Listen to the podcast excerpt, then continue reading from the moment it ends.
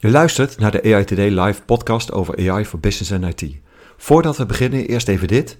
We zijn genomineerd voor de Prijs van Oranje van de Belgian Podcast Awards. We zijn super trots op deze nominatie en jij kan ons helpen om deze prijs te winnen. Luister je graag naar onze podcast? Stem dan via belgianpodcastawards.be.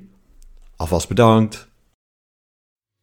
Medeoprichter van Microsoft, Bill Gates, heeft een opwindend toekomstbeeld geschetst.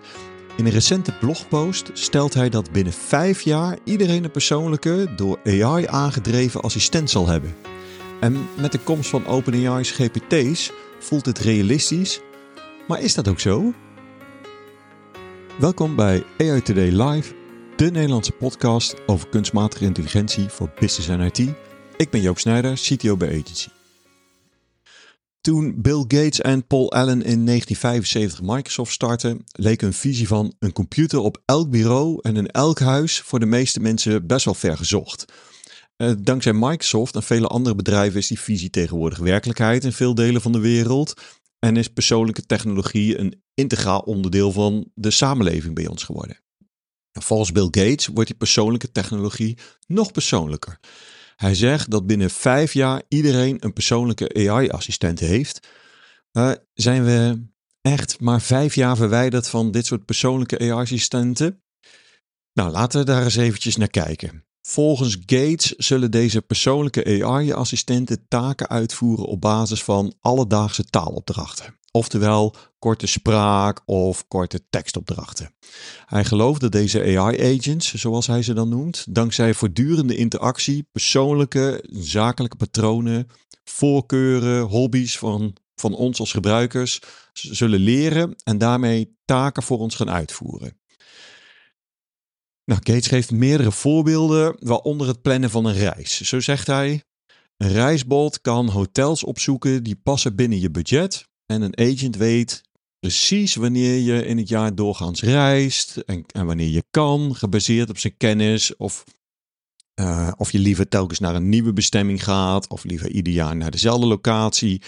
Uh, op die manier kan die reisbestemmingen voorstellen. Ook kan zo'n reisbot volgens Gates activiteiten suggereren gebaseerd op de interesses van de gebruiker en dan meteen restaurants boeken op basis van je smaak. AI-agents, zegt hij, zullen reisbureaus volledig overbodig maken. Nou, ik geloof hier maar een klein gedeelte van. Ja, er komen bots, die Gates dan agents noemt, die je helpen met het samenstellen van je reis, maar dan wel weer voor alleen aangesloten bedrijven. De persoonlijke bot wordt niet jouw persoonlijke bot, maar een tussen aanhalingstekens persoonlijke bot vanuit een verkopende partij. Partijen zoals Booking.com, Airbnb of Trivago gaan dit voor je maken met alle bijkomende voor- en nadelen van de invloed die zij dan hebben op zo'n dergelijke bot. Zij zullen bepalen wie wel en niet worden aangesloten op de bot. Overigens verwacht Gates niet dat persoonlijke AI-agents grotendeels gratis zullen zijn, maar dat de prijs door de grote hoeveelheid concurrentie niet al te hoog zal zijn. De Microsoft-oprichter wint er in ieder geval geen doekjes om. Hij zegt: AI-agents komen eraan en zullen binnen enkele jaren ons leven compleet veranderen, zowel on- als offline. Nou, ik denk dat als zijn vorm van persoonlijke assistenten überhaupt mogelijk zijn, dat je hier wel degelijk een flinke prijs voor gaat betalen. Want wie verdient er anders geld mee? Maar goed, ik geloof wel eerlijk gezegd niet in zijn vorm, maar meer een door commerciële bedrijven aangeboden assistenten, zoals die reisrobot. Deze zullen gratis zijn omdat je sneller geholpen wordt om de reis te boeken bij de aanbieder van de bot. Ik ben bang dat je blijft betalen met je data. In de blogpost van Gates wordt ook genoemd dat persoonlijke AI-assistenten kunnen helpen met het opzetten van een bedrijf, vergaderingen plannen en gepersonaliseerd bijles kunnen geven. Dus veel meer in de zakelijke omgeving. Microsoft speelt denk ik ongetwijfeld een grote rol in deze ontwikkeling. En zij zullen waarschijnlijk focussen op de integratie met hun eigen producten.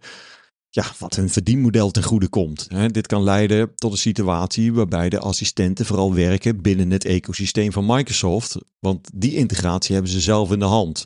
En zolang je binnen het ecosysteem blijft van de aanbieder van de bot, of dat nou Google, Microsoft of Apple is, dan werkt die assistent. En daarbuiten wordt het denk ik problematisch. De geschetste ontwikkeling van AI-assistent is onvermijdelijk, maar de visie van Gates lijkt mij in ieder geval te optimistisch.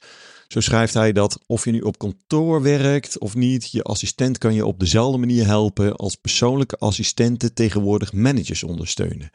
Als een vriend net een operatie heeft ondergaan, zal je agent je aanbieden bloemen te sturen en deze voor je te bestellen. Als je hem vertelt dat je je oude studiegenoot wil spreken, zal hij samen met de agent van de studiegenoot een tijdstip vinden om samen te komen. En net voordat je arriveert, zal hij je eraan herinneren dat zijn oudste kind is begonnen met studeren. Klinkt geweldig, maar ook hier geloof ik toch wel weinig van hoor. Want deze persoonlijke assistenten zullen allemaal met elkaar moeten kunnen communiceren. En dat is nu juist het aller, allermoeilijkste onderdeel van IT, namelijk systeemintegratie. Het laten communiceren en uitwisselen van gegevens tussen IT-systemen. Dat probleem hebben we in ieder geval sinds Gates zijn voorspelling uit 1975 hebben we dat nog niet opgelost. Want hoeveel verschillende systemen heb jij op je werk? En hoe werken die samen? Hoe moet je hoe vaak moet je niet iets opzoeken in het ene systeem en die gegevens combineren met gegevens uit een ander systeem, toch? Dat gaat AI in de vorm van een persoonlijke assistent voorlopig echt nog niet voor je oplossen. En als je al deze uitdagingen even laat bezinken, hoe komt jouw assistent aan al deze gegevens hè, van je vriend, je studiegenoot, van je werk, van je hobby's, van alles om je heen? Hoe gaat de uitwisseling van deze gegevens tussen assistenten, laat staan de communicatie bij alle onderliggende systemen? Dus ik denk, de route die Bill Gates beschrijft voor persoonlijke assistenten, zullen we bewandelen, maar niet met de voorspelde snelheid van vijf jaar. Dankjewel weer voor het luisteren naar deze korte aflevering van Today Live. Vergeet je niet te abonneren via je favoriete podcast-app en mis geen aflevering.